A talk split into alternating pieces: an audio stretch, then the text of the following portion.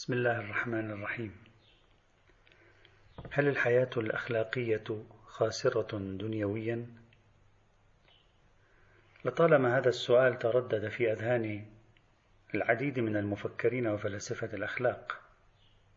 دعوني في البداية أشير إلى أن في فلسفة الأخلاق توجد مدارس متعددة ومن بينها مدرستان. أخلاق الوظيفة وأخلاق الغاية. في أخلاق الوظيفة المتخلق عندما يتخلق فهو يتخلق لأن التخلق وظيفة له.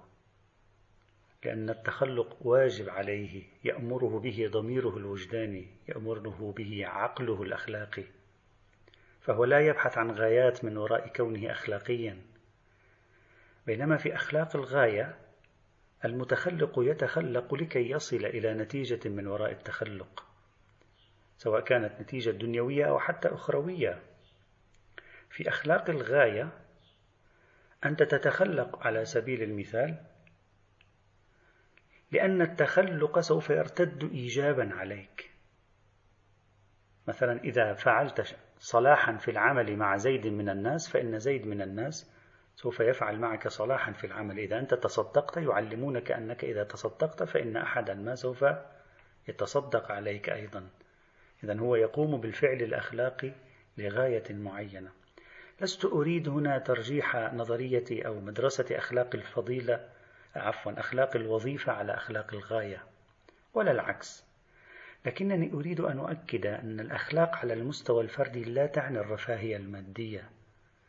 بعضهم يقارن يقول بعض الناس عندها رفاهية مادية أو بعض المجتمعات عندها رفاهية مادية إذا فهي مجتمعات أو جماعات أخلاقية.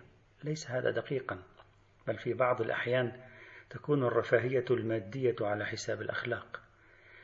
الأخلاق ولدت لتطهر الروح لأن تطهير الروح هدف. ولم تولد الأخلاق لكي تؤمن لك حياتك الاقتصادية وتؤمن لك موقعك الاجتماعي.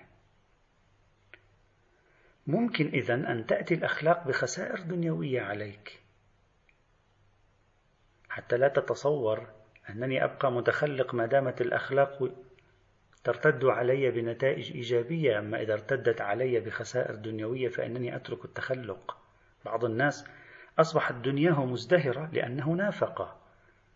وما أكثر هؤلاء في حياتنا. لأنه تملق لأنه كذب لأنه حمل شخصية مزدوجة. كان ذا لسانين وكان ذا وجهين. لو أنه حافظ على أخلاقه لما وصل لهذا الموقع من الحياة الدنيوية المزدهرة. علينا أن نحذر من أن نفكر حتى في عقلنا الباطن من أن نجعل الأخلاق وسيلة كسب دنيوي أو نظن أنني إذا تخلقت فإنني أتخلق لأجل أن تزدهر دنياي المادية. لا أنا أتخلق لأجل أن تزدهر حياتي الروحية حياتي الضميرية.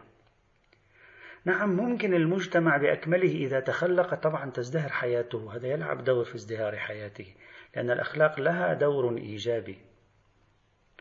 كثير من أزماتنا الاقتصادية والسياسية سببها عدم الأخلاق.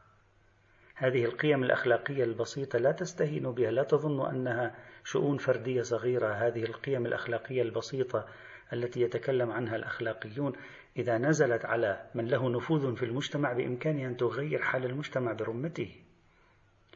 إذا الفكرة الرئيسية لا تتعامل مع الأخلاق وكأنك تريد منها أن تجني مالا أو أن تجني جاها أو أن تحقق مكسب دنيوي.